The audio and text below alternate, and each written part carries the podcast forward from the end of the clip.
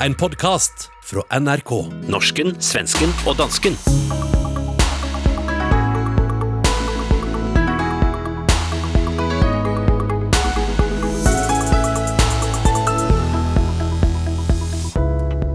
Hvorfor klarte ikke svensk offentlighed å håndtere kunstneren Lars Vilks? Hvad skyldes den danske statsminister Mette Fredriksens nyvunne kærlighed til København? Og skal vi norske hekser endelig få oprejsing?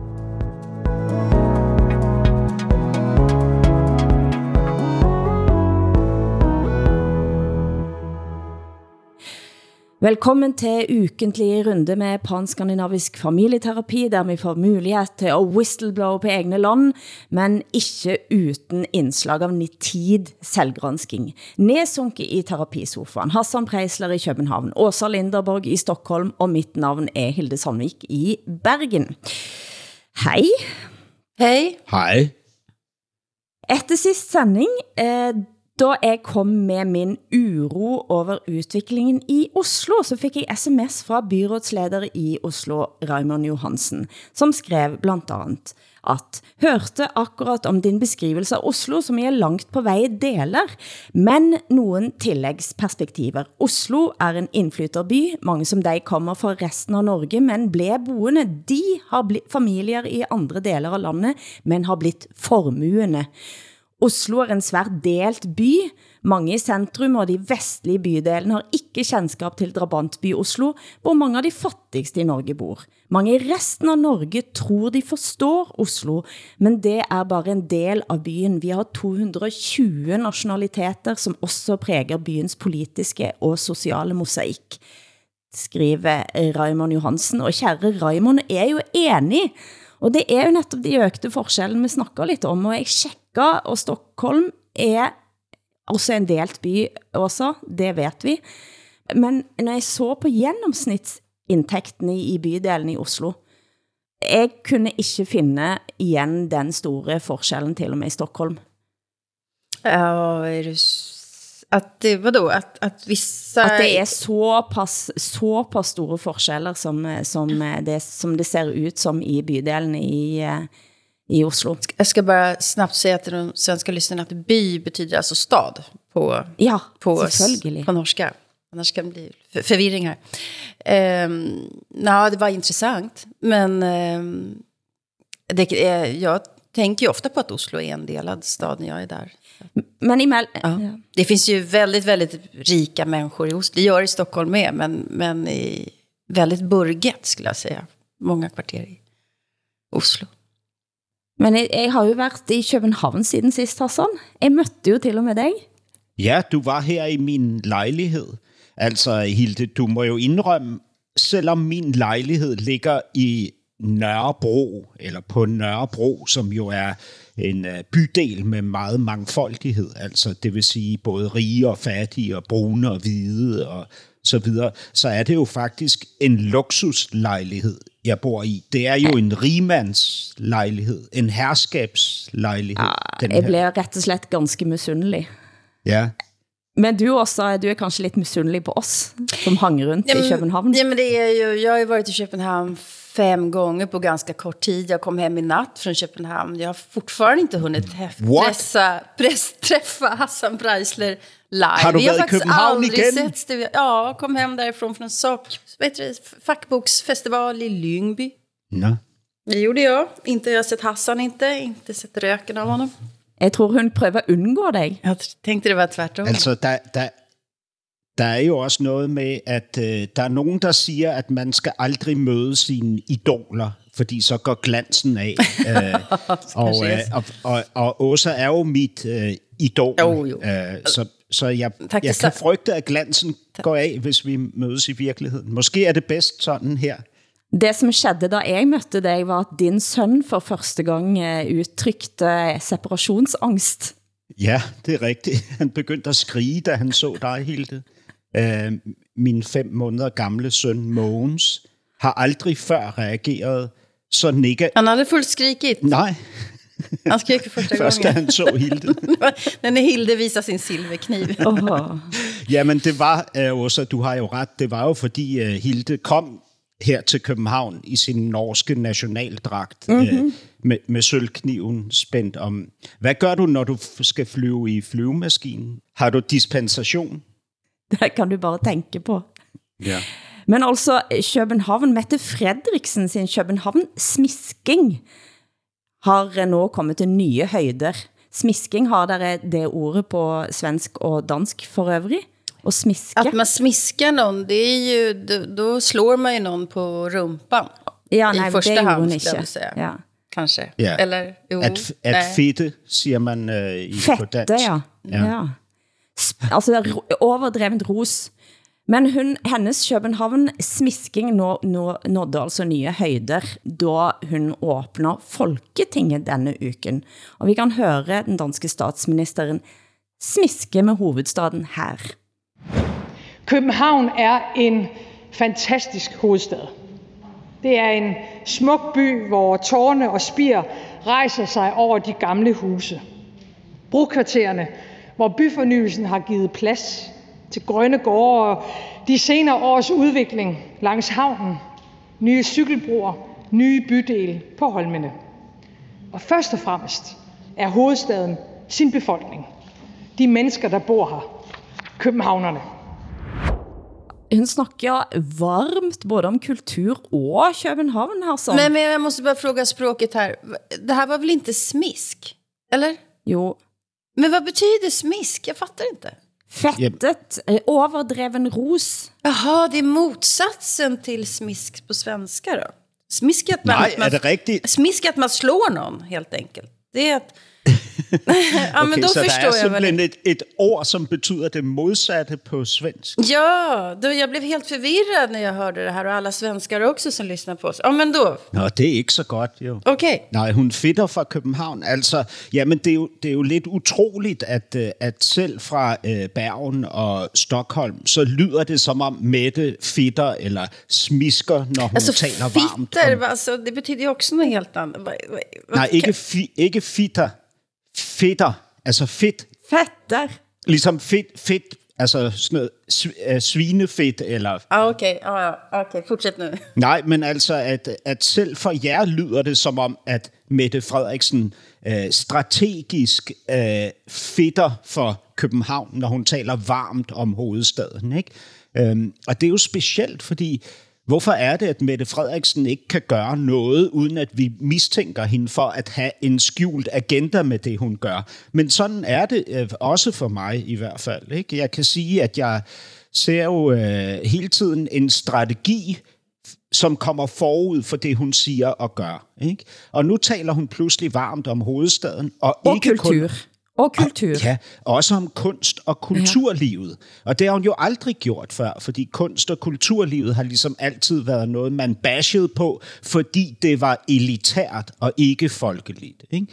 Samtidig så kan jeg jo se, at den nye kulturminister, Ane Halsbo Jørgensen, er meget aktiv i sin omgang med kulturlivets spidser. Det vil sige, hun går til øh, til sådan nogle selfie-events på det kongelige teater, hvor hun tager billeder sammen med teaterchefen og så videre. Altså sådan nogle ting, som Joy Mogensen ikke gjorde. Mm. Ikke?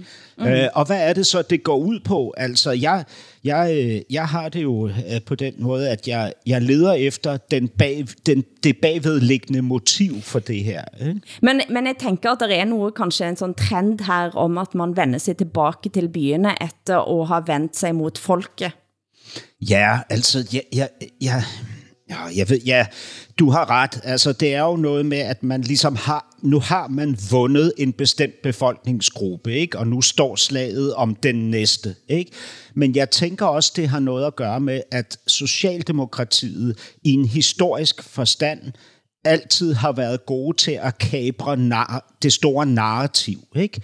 Nu har de magten, og kan ikke rigtig udfordres på magten. Hvad er så det næste? Jeg vil tro, det drejer sig om eftermælet, altså historien, der skrives om både vores nation og om Socialdemokratiet. Men- Og for at fortælle historien, så skal de bruge kulturlivet, altså museerne, teatrene, litteraturen osv. Det er mit gæt. Ikke? Jag, Ja, undskyld, Åsa. Ja, nej, det var jag som avbröt, förlåt. Men jag tänker Köpenhamn har ju nästan alltid varit en, en röd by, en socialdemokratisk by. Eh, och jag tror att de inser att det är ett misstag att hålla på och slå mot huvudstaden på det viset. Jag kan säga det finns inga politiker i Sverige mer än, än Sverigedemokraterna som skulle göra någonting sånt, slå mot huvudstaden. Eller, eller slå mot kulturen på det här viset som Socialdemokraterna har gjort i, i Danmark också senaste tiden och sen nu ångrar sig och försöker göra någonting annat. Det, det är ett helt annat sätt att förhålla sig i politiken än vi har i Sverige hos socialdemokrater. Det är enorm skillnad på svenska och danska socialdemokrater. Ja. Da vi snakker om bomben som eksploderede i Göteborg for nogle uker siden, så trodde vi at det var snak om gængkriminalitet. Det vet vi nå at det ikke var. En mand er mistankt for at stå bak bombeangrebet og blev denne uken etterlyst internationalt og siden fundet død. Nabo Lars Gunnar Volmesjø var et av øjevittene som har pekt ut den mistænkte. Her er han intervjuet av P4 Göteborg. Jag rusade upp halvnaken direkt fram till min altandörr för att se vad som stod på. Lars-Gunnar Volmesjö tittar ut över gården tio sekunder efter den stora explosionen på Övre Husargatan i Annedal i Göteborg. Där står en man han tycker sig känna igen. Min första reaktion var att ropa till honom, vad har du gjort din jävel? Han tittade upp mot röken och eh, gav sig av därifrån. Lars-Gunnar Volmesjö har funderat mycket på mannen han såg och han har velat komma i kontakt med honom efter explosionen. Samma man som nu misstänks för sprängdådet. Hvordan omtales denne saken nu også? När vi pratade om den här bomben i Göteborg så, så sa jag det att vi vet ju faktiskt inte, men alla utgår ifrån att det är gängkriminalitet. Jag sa också att Sverigedemokraterna och Moderaterna nu har gått ut med stora krav på ännu större straffskärpningar och det här nu är liksom gränsen nådd och så vidare. Det var väldigt högt tonläge. Och nu är det knäpptyst eh, om alltihopa. Så jag tror att medierna fick sig en läxa här. Mm. Allihopa, även jag. Men eh, hvad, hvad vet vi om bakgrunden for u- Den här mannen är en, en eh, rättshaverist, han är antivaxare. Han längtade efter sin mamma som han inte fick träffa under pandemin. Eh, Den här lägenheten som hon hade i den här fastigheten, de skulle vräkas, alltså kastas ut därifrån. Eh, Och eh, han tog saken i egna händer och skulle, skulle hämnas. Det är en, en, en, på alla sätt en väldigt tragisk historia. Og der findes jo et brev, eller det findes mange brev, som han skrev til denne ældreboende, der eh, hans mamma bodde. Ja, han eh, anklagar dem för att vara allt möjligt och han måste ha varit eh, pain in the ass, ärligt talat. Mm. Han fulgte efter en, han fulgte efter han som eh, hade var ansvarlig for eh, dette ældreboende også. Ja, och så det, det man kan diskutera nu är naturligtvis hur ska man göra med människor som är så här psykiskt sjuka? Ska man spärra in dem eller hade samhället kunnat eh, ge honom vård eller sådana här saker som alltid är så här efterklokt och vad är samhällets ansvar och möjlighet att ingripa i enskilda människor och sådär. Eh, Men eh, jeg må indrømme at når jeg læste både de breven han har skrevet, og den historien med han og hans mamma, så fik jeg helt associationer til Joker, filmen fra 2019. Ja, det jo, ja, ja, gud ja. Det er denne stand-up-komikeren Arthur Fleck, som bor sammen med sin mor Penny i Gotham City, før alt eh, gik galt. Men det var noget med den enorme ensomheten og den enorme tilknytningen til en mamma og, og et grusomt endelig. Visst. Ja, jag, jag fick nog inte sådana, men ja, kanske. Kanske. Du hører norsken, svensken og dansken. Programmet blir sendt i Danmarks Radio, Sveriges Radio og Norsk Rikskringkasting.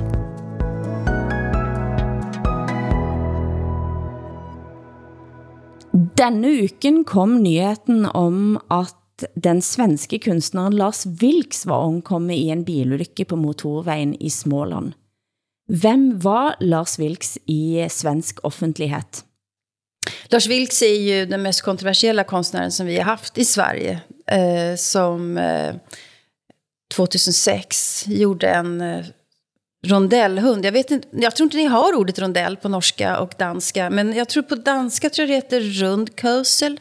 Rundkösel. Rundkørsel, netop. Eh, och på norska rundkörning kanske, eller någonting sånt där. Mm, det er sant. Just det, vi, det var ju en, det var ju som en slags folkrörelse i Sverige 2006-2007 att, att folk gjorde sina egna hundar i amatörkonst och ställde ut i de här uh, rundkörslarna, rondellerna. Och då gjorde han en teckning på en sån, profeten Muhammed. Och sen, vi kan egentligen historien massa hot och eh, han levde i 15 år under hot. Och svensk offentlighet, inklusive jag själv, har haft väldigt svårt att förhålla sig till det här. Mm. Eh, det har alltid funnits ett men med. Eh, konsten ska vara fri, yttrandefriheten ska vara fri. Men varför måste alltid yttrandefriheten testas på muslimer? Ja, for Vilks eh, sine rondellhunder altså skapte kontroverser, og vi kan høre et klipp fra 2007, da de svenske muslimer marcherte i gaten i Uppsala og krævde respekt for vår profet.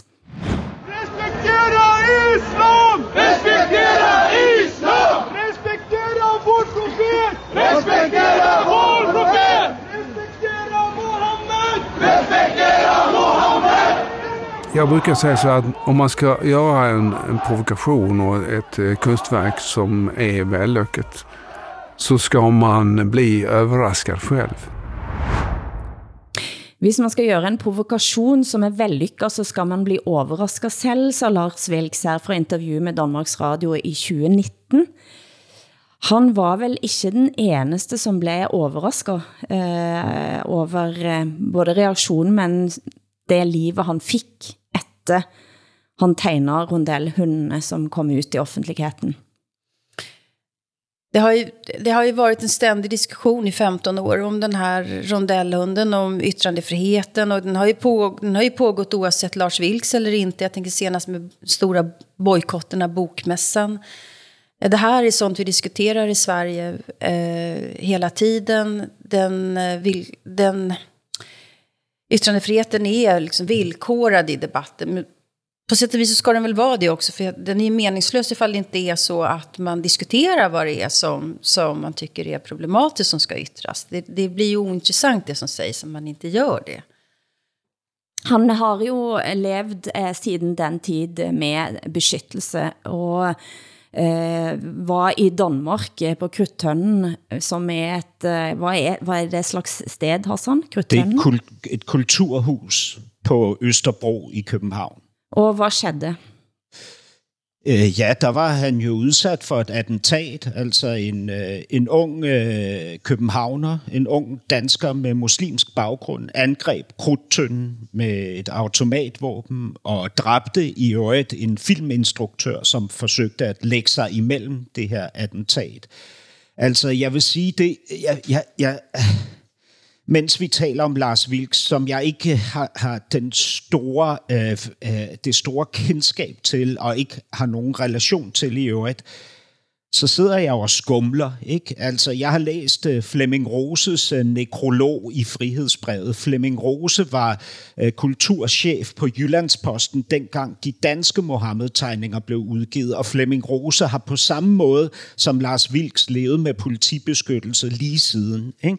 For Flemming Rose har det været anderledes, end det har været for Lars Vilks, fordi Flemming Rose har egentlig nyt meget stor og bred opbakning, ikke kun fra sine ligesindede også fra staten Danmark, altså fra øh, det miljø, som, øh, som bør beskytte ham, altså øh, øh, den stat, han hører under osv. Ikke? Flemming Rose har nyt godt af professionel øh, politibeskyttelse, hvilket Lars Vilks ikke har. Ikke? Lars, Fast det her måste... Lars Vilks har heller ikke øh, fået lov til at bo sammen med sin kæreste, og har søgt om det år efter år. Ikke? Men, men hvis jeg, jeg bliver lige nødt til at gøre min pointe færdig, Åsa, fordi det, der er det helt centrale for mig i det her, ikke? det er, at det er så sjældent, at vi i vores tre nationer i inden for kunstområdet bliver tvunget til at fungere som andet end bourgeoisie-spidser. Ikke? Normalt så er kunstnerens funktion at bekræfte det kollektive narrativ. Vi stryger hinanden med håret, med hårene dag efter dag, år efter år. Ikke? Ind i det her kollektive narrativ om en fælles harmoni. Og så kommer der en gang imellem en kunstner, som kommer til at begå en fejl og lave noget kunst, som rent faktisk har en betydning stemning på den måde, at det provokerer, det rykker os, og det aktiverer os. Ikke? Og så bliver vi så forvirret. Vi aner ikke, hvad vi skal gøre med kunst, som siger noget reelt om vores samtid. Ikke? Som reelt går op imod strømningerne, som reelt udfordrer os. Vi har glemt, hvad det vil sige. Altså, jeg- altså, ja. den her statskunst bekræfter vores fælles forståelse, ikke hele tiden. Jag håller, jag håller med dig, men jag, må, jag måste verkligen replikera att inte svenska staten har tagit ansvar för Lars Vilks. Att staten inte skyddar, skyddar hans flickvän, det tycker jag också är fel. Men det finns ingen konstnär, ingen människa som, vi har, som staten har lagt ner så mycket pengar på att skydda. Ett, ett, skulle Lars Vilks träffa någon så kostar det miljoner. Jag har träffat honom, det, det var 30 krypskyttar eh, med, eh, med eh, automatvapen. Det var helikoptrar som hovrade. Han hade skydd dygnet runt. Det var stora fordon. Eh, det, så det, man, man kan inte anklaga staten för det. Men däremot kan man ju anklaga offentligheten i övrigt för att vi var så vingliga med Lars Vilks. Så jag var ju en av dem. Eh, och är det fortfarande skulle jag säga. Därför att jag, jag, jag säger konsten ska vara fri. Eh, självklart yttrandefriheten. Det, ni vet ju min hållning i det där. Men när det gäller Lars Vilks så lägger jag alltid till ett men. Eh, eh, konsten ska vara fri, men varför måste yttrandefriheten alltid rikta sig mot muslimer? Det, så, så tänker jag alltid när det gäller Lars Vilks. Eh, Men han- om din relation til han. Fortæl om den. Eh, jag ska bara säga, han, vad han gör är ju att han avslöjar, han avslöjar våra artiklar. Rondellhunden testar ju egentligen inte muslimer, den testar ju den PK-offentligheten. Det är, det är liksom våra reaktion som han är ute efter. Och den, den är väldigt motsägelsefull. Jag hade en bra relation med Lars Vilks. Eh, vi hade, vi hade intressanta, givande samtal när vi, när vi pratade. Tyckte han så pass mycket så att jag till och med fick en rondell av honom, nummer 87 eh, av 100 som jag har ovanför min soffa här hemma och som många gäster eh, kan irriteras på eller ifrågasätta att jag har. Men eh, han, var, han, var, han en väldigt, väldigt fin humor. hade Han alltså, var, han var emabel intagande på, på många sätt. Eh, men eh, det, är, det är fortfarande ett konstverk som kommer att och eh, splittra. Är det. Och, då, och det, det är det som gör att det blir bra konst. Ju. Viktig konst. Nej, altså, ja, da jeg hørte sendingene etter eh, attentatet i Krudtønnen, og høre svenske journalister sitte og si, ja, men han har jo blitt sånn islamhater, så tänker jeg, hvad er dette egentlig? Men, men jag tycker ju, man kan inte bagatellisera honom på det där sättet. Alltså, han har ju, hans uppdragsgivare eh, blev till slut djupt, inte, inte islamofobisk utan muslimfientliga kretsar. Och eh, det, tycker jag, det tycker jag man måste kunna diskutera. Det är klart att man måste kunna fundera över vem som, blir ens upp, vem som är en konstnärs uppdragsgivare. Jag menar inte att en konstnär måste diskutera sin konst. Den, får, den är upp till oss att tolka. Eh, men han måste ändå kunna diskutera vilka sammanhang han hamnar i. Jag tycker det. Eh, den här Sion-organisationen i USA till exempel som pratar om muslimer, eh, araber som råttor och så vidare. Var, varför är det ointressant? Det er selvfølgelig ikke uinteressant. Eh, og det er heller ikke uinteressant at se hvem som følger, eller som hvem som, som prøver for eksempel nå at slå politisk mynt på Lars Vilks eh, Ja, eh, død. Selvfølgelig så skal man se, se på det, men det siger veldig lite for min del om Lars Vilks som kunstner. Nej, jag tycker inte det eftersom rond rondellhunden, hela poängen med rondellhunden är ju att det är reaktionerna som blir konstverket. Det var ju det som var hans idé. Så då är det väl inte ointressant var han hamnar till slut med sin, var han är verksam eller var han har också möjlighet att vara verksam därför att de svenska kulturinstitutionerna stoppade honom. Alltså när, när Lars Vilks ville skänka en rondellhund till Moderna Museet så ville de inte ha den. Eh, och jag tror att Sveriges riksdag har bestämt sig för att inte köpa in rondellhunden som, man tänkt, som det var en diskussion för några år sedan. Där kan man ju snacka om svek, verkligen. Men eh, jag tycker inte det är ointressant. Eh, rondellhundens vidare öde och konstnärens öde heller i det där. Men, men i, i Danmark, eh, Hassan, eh, så har for eksempel Danske Socialistisk Folkeparti gjort en snuoperation i sitt forhold til de danske Mohammed-karikaturerne, for de vil nu ha karikaturerne på pensum i skolen. Ja, altså, øh, ja, og det, det, det var en overraskende begivenhed, da vi her for ikke så længe siden så SF, Socialistisk Folkepartis formand Pia Olsen Dyr, holde en meget animeret og passioneret tale om øh, Øh, ytringsfrihed og voldsmandens veto. Jeg er oprigtigt bekymret for, at udviklingen kan betyde, at vi skive for skive forstækker vores frihed for en falsk følelse af tryghed eller sikkerhed, og det går ikke. Derfor skal vi holde fast i vores DNA, og vi skal også i den her kamp stå på frihedens side. Vi kan ikke have ufrihed i vores midte og se den anden vej. Det er ikke den ældste brors ret at banke sin søster, fordi hun er blevet dansk. Og det er ikke fætternes ret at tæve livet ud af en slægtning, fordi han eller hun er homoseksuel eller er blevet gravid uden for ægteskabet. Og det er ikke, det er ikke voldsmandens ret at tro underviser med vold og død, bare fordi man ikke lige tåler, at Mohammed bliver tegnet.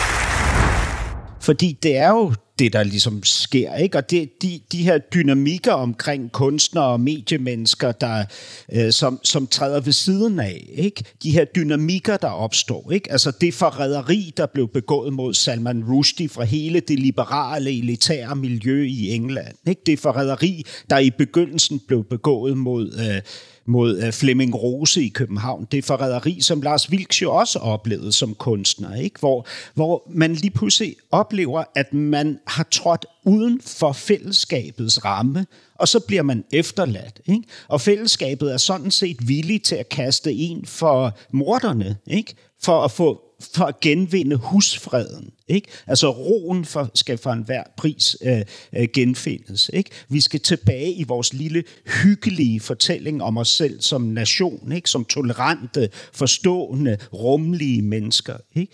Øh, og derfor så, så øh, kom det jo også bag på mig, at netop Pia Olsen Dyr stiller sig op og siger, der skal produceres undervisningsmateriale, fordi vi er nødt til at fortælle den her historie til vores elever i skolerne, og lærerne er udsatte, når de gør det på eget initiativ. Och hon representerar alltså Socialistisk Venstre då, så att... Hun er for, formand for Socialistisk Folkeparti, ikke? Ja, så att svenska lyssnare förstår. Mm. Og det, det, at Pia Olsen Dyr nu har truffet den her beslutning, stillet sig op på den måde, har faktisk efterladt vores regeringsparti stående alene, uden en plan for, hvordan Mohammed-krisen skal øh, skildres i, øh, i undervisningsøje med. Ikke? Så mm. det er lidt interessant, hvad der nu kommer til at ske. Ikke? Ja, det är intressant vad, hur, hur, hur eh, svenska lärare och läroplanen ska förhålla sig till, till en sån här historisk eh,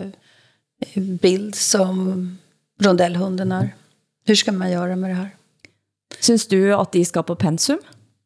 Eh, om, om, om jag menar att vi ska göra som i Danmark? Mm. Ja, det är väldigt frestande faktiskt att säga, säga det. Alltså det är svårt att... Kan man prata om, om yttrande... Kan man vara som pedagog prata om yttrandefrihet och konstens frihet utan att, att visa exempel? Mm. Eh, så att man förstår vad det handlar om. Och själv som, som elev då kan betrakta det här och fundera vad känner jag när jag ser den här bilden? Mm. Ja, intressant fråga. Det, det, den diskussionen har vi absolut inte i Sverige, att, att lärare ska, ska tvingas undervisa på, på rondellhunden eller Mohammed-karikatyrerna. Vi, vi, har talt, vi har talt en, en del om kunst i de, i de her programmer, der følger på hinanden i de her uger. Vi talte om nogle af de her kunstnere i Danmark, som bliver beskrevet som meget højreorienterede, ikke? Øh, muslimfjendtlige osv. Og vi har jo tidligere talt om den, øh, de danske kunstnere på venstrefløjen, som blandt andet har smidt en byste af, af tidligere konger øh, i havnen for at markere deres modstand imod øh, Danmarks kolonifortid, ikke? og så videre. Just det vita kränkta män-projektet. Så att, eh, Ja, mm. øh, og jeg har også gjort mig nogle tanker om, hvad det er, der gør, at jeg inderst inde føler en form for besynderlig sympati over for de her øh, kunstnere, som vi betegner som højre radikale. Og, og det er svært for mig helt klart at skildre, hvad det er i mig, der gør, øh, at, at jeg har så mange øh, aversioner og, øh, og besynderlige sympatier. Men der er dog det faktum, at de her øh, højre radikale kunstnere, i Danmark i hvert fald, de står udenfor. De er ikke støttet af staten. De er ikke ansat i institutionerne. De er margin- marginaliseret og udstødte. Ikke? De har intet andet end de kunstneriske ytringsfrihed, som de står så hårdt på, som de gør. Ikke? De, de venstreorienterede kunstnere er altid statsfinansieret. De er ansatte på institutionerne. Ikke? Det var en institutleder, som tog den her øh, byste og smed den i havnen. Ikke? Og de er altid højt uddannede. Altså nogle små elitære miljøer, som påstår at ville forbinde sig til underklassen for eksempel, men som aldrig har nogen reel relation til underklassen. Eller til flygtninge og indvandrere for eksempel. Ikke? Og det der hyggeleri, som jeg jo som barn af venstrefløjen er vokset op midt i, det er det, jeg har så svært ved, og som gør mig så vred og frustreret og ulykkelig, også lige nu i den her situation, hvor vi har mistet Lars Vilks. Ikke? Nej, men jag, jag kan ju fundera över varför har jag varit så engagerad i att eh, eh, Nya Tider på extremhögerkanten i Sverige, varför har jag varit så engagerad i att de ska få vara på bokmässan, men jag har inte varit lika engagerad i, i eh, Lars Vilks rondellhund, även om jag har skrivit om den väldigt mycket. Varför jag försöker komplicera rondellhunden mer än jag försöker komplicera Nya Tider. Jag tror att det har att göra med att jag förstår nya tider därför att det är journalistik eller det är att man skriver och så kan jag identifiera mig med det. Eh, och det var först egentligen med Charlie Hebdo-attentatet, alltså när man gör ett attentat mot en hel tidningsredaktion som, som, eh, som jag börjar fundera över, men hur, vad, vad är det, hur har jag skrivit kring Lars Vilks och hur har jag gjort? Varför kan jag inte bara skriva yttrandefriheten eh, ska vara absolut punkt slut? Varför måste jag lägga till ett men hela tiden? Jag tror att det har att göra med att jag kan identifiera mig med människor som skriver helt enkelt, eller jobbar på en redaktion. Jag är inte konstnär. Altså, da, da jeg så, øh, Hilde, da jeg så Pia Olsen Dyr, SF's formand, stå og holde den tale, ikke? så havde jeg sådan et moment af en erindring om, hvad venstrefløjen faktisk kan være. altså, venstrefløjen kan være øh, øh, en, et, et kollektiv af mennesker, øh, som ønsker at kæmpe for frihed. Ikke? Altid for frihed. Ikke? Venstrefløjen i dag, ikke? den er jo blevet, altså det, det er jo blevet en bengnavende, reaktionær samling af elitære, højt uddannede mennesker med et kompliceret sprog, som ingen kan forstå, som aldrig lever i overensstemmelse med deres idealer, som lever isoleret fra dem, de påstår at ville kæmpe for, ikke? og som ikke har nogen reel interesse i at udfordre sig selv i deres fucking malighed. Og jeg siger da, dem selv, sig selv. Jeg mener i virkeligheden os selv, mig selv. Du hører norsken, svensken og dansken i SR, DR og NRK.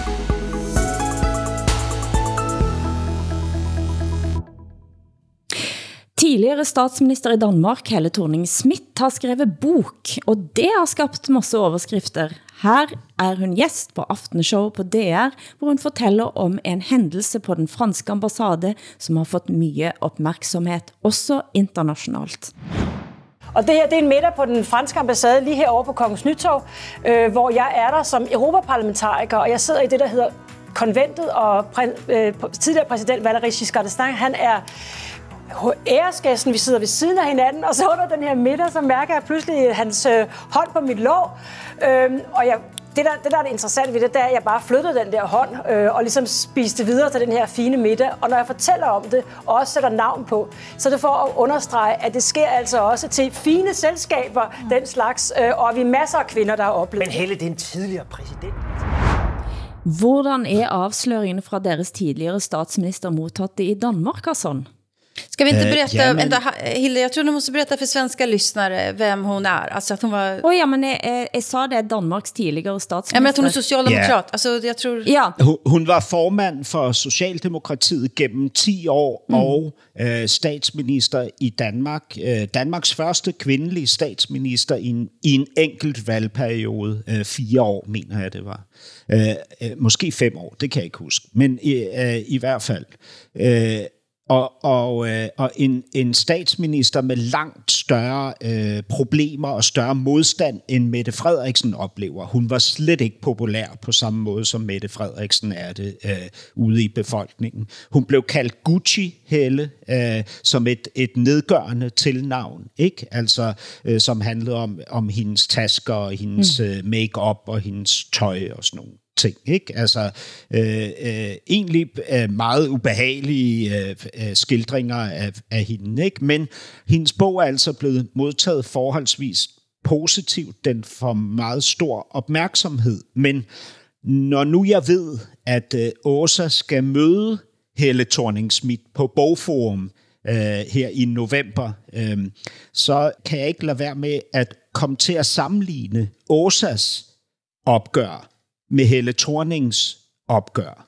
Den store forskel, nu har jeg ikke læst bogen, øh, skal det retfærdigvis siges, men den store forskel, som jeg oplever det, er, at Åsa også har været igennem et kæmpestort selvopgør, ikke? som Helle Thorning egentlig ikke har beskæftiget sig med. Hun siger, at der ikke er det store, hun fortryder. Hun var landets statsminister. Ikke? Hun kunne have grebet ind i forhold til alle de her ting, hun så og oplevede og gjorde. Men det har hun ikke gjort i sin tid. Og så siger hun, at det skyldes, at perioden var forkert, at, at man ikke var klar til at, øh, at, at, øh, at gennemføre de her forandringer i forhold til seksuelle overgreb og krænkelser osv. Ikke? jeg læste lite i boken igår på flyget hem, for jeg øh, fik den när var i, i for Eh, Och eh, det som slog mig där, det är att eh, hon, det är flera sidor om att män pratar mer än, än kvinnor. Eh, Och kvinnor blir eh, påpekade för vilka kläder hon har, mycket riktigt som du sa Hassan och så vidare. Och så kände jag att det här är en bok som man kunde ha skrivit i Sverige för 20 år sedan, men, Ja. men inte nu. Och det säger kanske mer om Danmark än det säger någonting om, om Helle Thorning-Schmidt, tänker jag. Ja, det, det er jo trist, hvis, Att, hvis det er sandt. ni, är, ni är lite efter Norge och Sverige när det gäller den här typen av feministiska grundfakta, helt enkelt. Eller objektiva Men- men grundfakta, vi- skulle jag säga. Hvis- den her bog skulle have en stor effekt på mig, mm. så skulle den begynde og slutte med et selvopgør. Ikke? Så skulle Helle Thorning illustrere sin egen andel i alt det, der var forkert dengang. Ikke? Så burde hun hver gang pege på sig selv, før hun peger på andre. Ikke? Fordi øh, hun udpegede også en minister dengang, som stod anklaget øh, for, for seksuelle overgreb, ikke? Øh, eller chikane i hvert fald. Ikke? Og hun har også været ude og forsvare Jeppe Kofod og sige, at det er fint, han er vores udenrigsminister, på trods af det, han gjorde dengang for 12 år siden. Ikke? Og, og derfor kommer det på mig til at virke at få, få den modsatte effekt, end hvad der er intentionen. Ikke? Vi får läsa boken ordentligt. Vi, ja, vi skal læse bogen, det er klart. Og det kan være, at vi, vi så vender tilbage og siger, undskyld, Helle Thorning. Øh, vi tog fejl, du havde ret. En klomme, altså en kommentar eller en peti i Berlingske gik viralt denne uken. En tidligere pædagog har sagt op jobben og lever på dagpenger. Nu passer jeg på mig selv, skriver han. Og du læste den kommentaren, Hassan, og den traf dig. Hvorfor?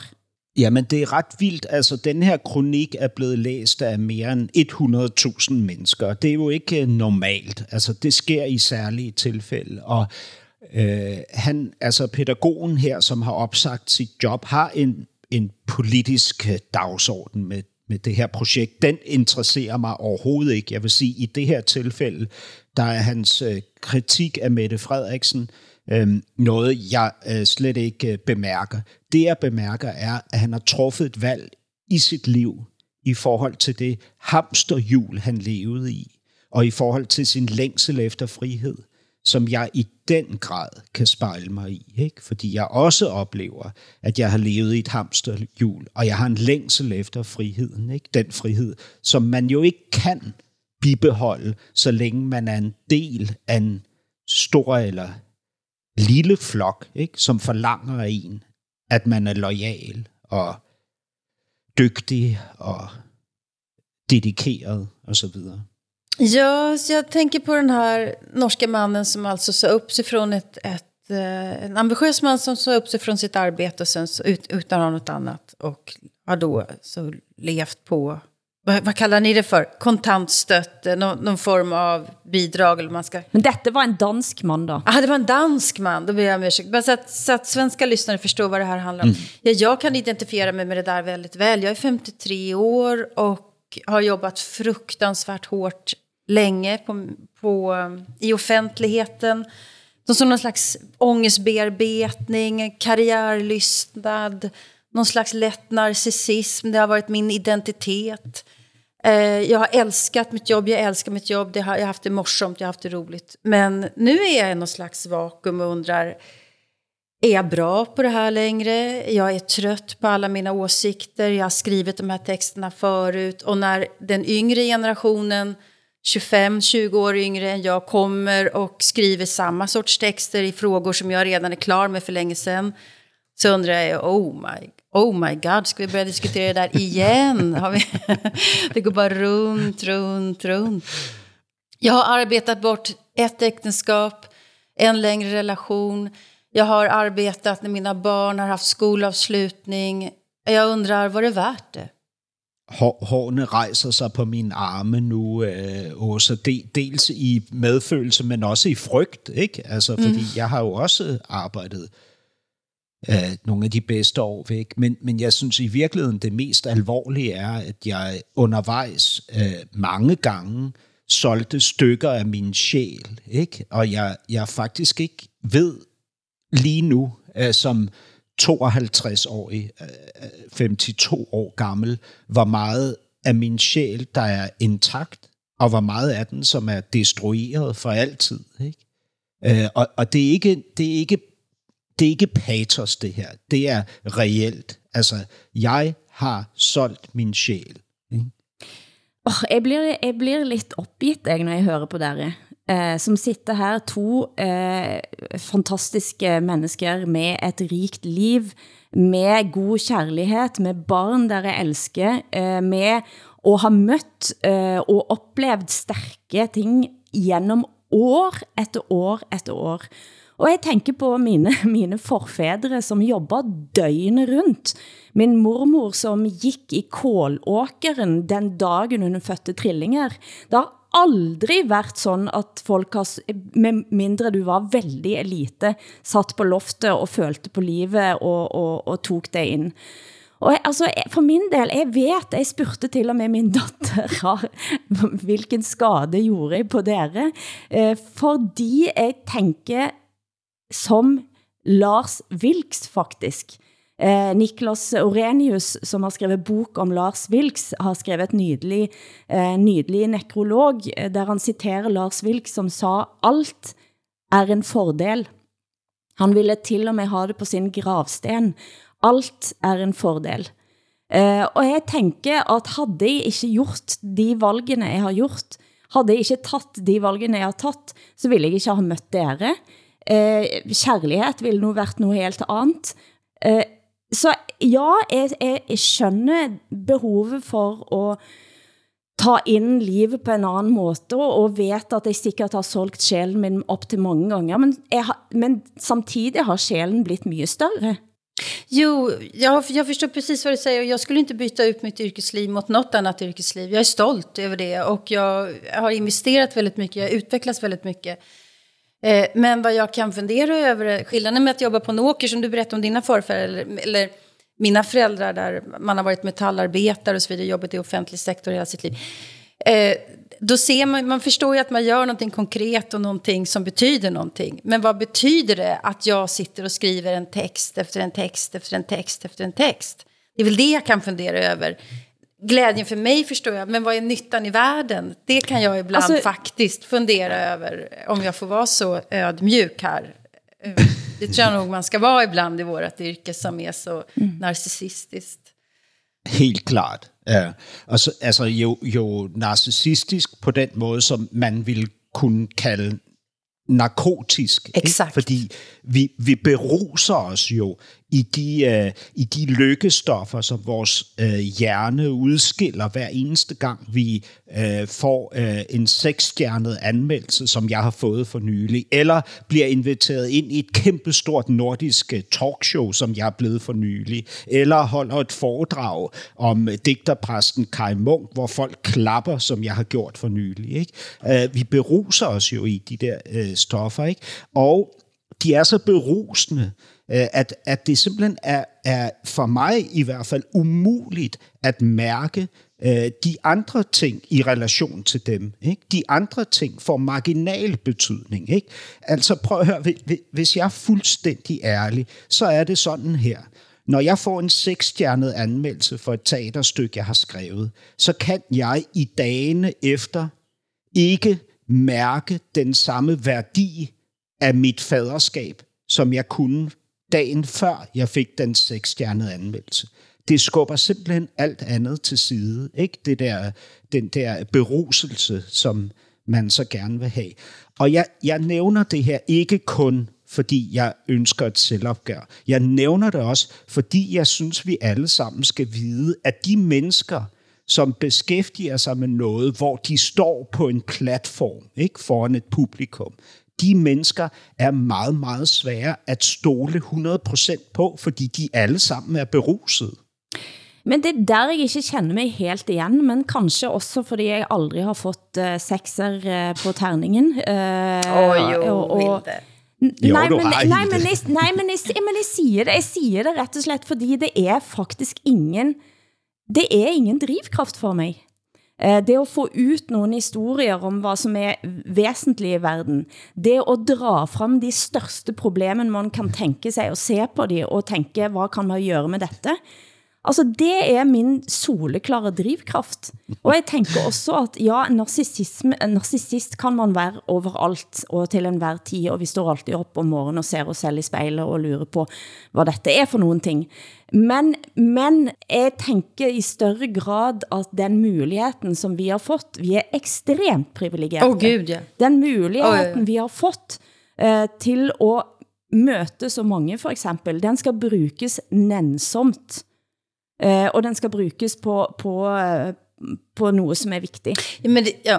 Men, men Hilde, jeg, altså jeg, lige før grinte jeg, mens du talte. Det var ikke, jeg grinte ikke af dig, fordi jeg, jeg kan faktisk mærke, at du mener det, du siger, og jeg griner lidt. Griner at- og skratter, at- altså. I, Ja. Jeg skratter. Jeg, i, jeg, i, jeg griner i lettelse over, at der findes mennesker som dig. Mm. Øh, ikke? Øh, og, og det er jo fantastisk. Så vil jeg bare sige, det kan godt være, at din morfar gravede kul, eller hvad det var, han gjorde. Øh, min, min oldefar var højesteretsdommer. Min morfar var direktør. Ja, min, far var, min, min far var professor i biokemi. Ikke? Jeg, har ikke, jeg står ikke på skuldrene af nogle mennesker, der har gravet ned i jorden efter kartofler, så vi kunne uh, få men mad det er på og bordet. kan altså, Ja, Ja. ja, så jeg, jeg er jo mønsterbryder på den måde, at jeg ikke tjener særlig Og så mange bor penge. du i en herskapelig lejlighed, kan vi bare slå fast. Ja, men du ved jo, jeg har fået en kæreste, som har et rigtig godt job, ikke? og det har givet mig muligheden for at bo, som jeg bor. Øh, Et 400 år gammelt justismord skal nå rettes op igen, i alle fall hvis den norske advokaten Jostein Løken får det som han vil. Danmarks Radio har bidt sig mærke i den norske krimsaken her fra mandagens Kulturen på P1. En ny sag vækker forarvelse i Norge, eller i virkeligheden er det faktisk en ret gammel sag. 400 år gammel. Gennem længere tid der har Jostein Lykken samlet informationer og detaljer om Ingeborg, Knytsdatter Økset og hendes familie. Og han er kommet takt, i kontakt med flere, som hævder at være hendes tip børn i 9. led. Og øh, målet det er nu altså at få sagen genoptaget i det norske retssystem, fordi øh, han vil gerne have rettens ord for, at hekseprocesserne og hekseafbrændingerne i 1600-tallet var en frygtelig fejl, og at de kvinder, der blev udsat for dem, ikke havde gjort noget galt. Hvad tænker dere? Er dette en vigtig feministisk kampsak? Nej, det är ur, urlöjligt, tycker jag. Jamen altså, øh, Alltså att lägga ner en massa resurser, alltså den här kvin- att, ah, häxprocesserna, vi är redan kla- avklarade, det finns ingen som tror att de här kvinnorna var skyldiga till någonting. Det, jamen det ved vi jo ikke, Åsa. Måske er det sådan i Norge, at de tror, at det var hekse. Ja, det är möjligt. Men alltså, det här säger någonting om hur mycket pengar ni har i Norge att lägga ner grejer på saker som, som är avklarade för, för länge sedan faktiskt. Tänk om man skulle gå igenom alla gamla rättsfall och sen ge folk upprättelse. Det kan man göra med människor som lever idag, men, inte, men alltså inte för 400 år sedan. Fan, lägg ner. Kulturen på P1 har også en opfordring til danske lyttere, som vi gerne vil viderebringe.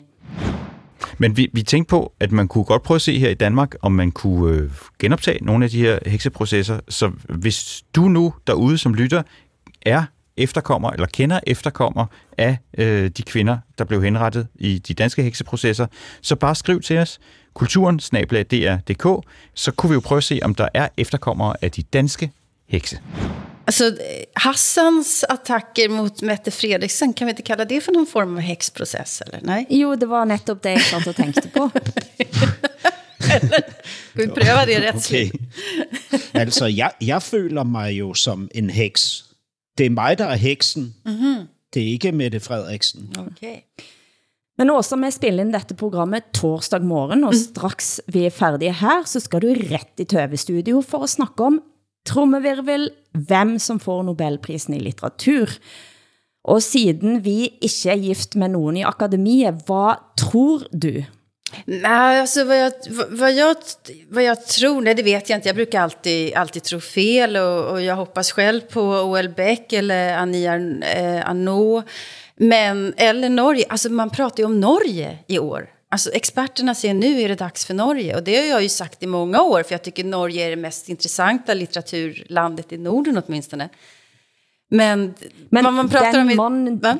mm, Dags- den mannen du eh, skulle ønske fik Nobelprisen, han blev gravlagt denne uken. Ja, Kjell Askelsen, han är ju död, den makalösa novellisten. Men man pratar om Knausgård, eh, eh, Dag Solstad, skulle jag inte ha någonting emot. Mm.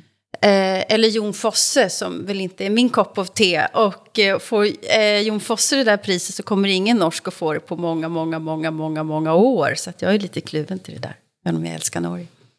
Visste du forresten at eh, Kjell Askildsen skrev hele livet postkort til sig selv?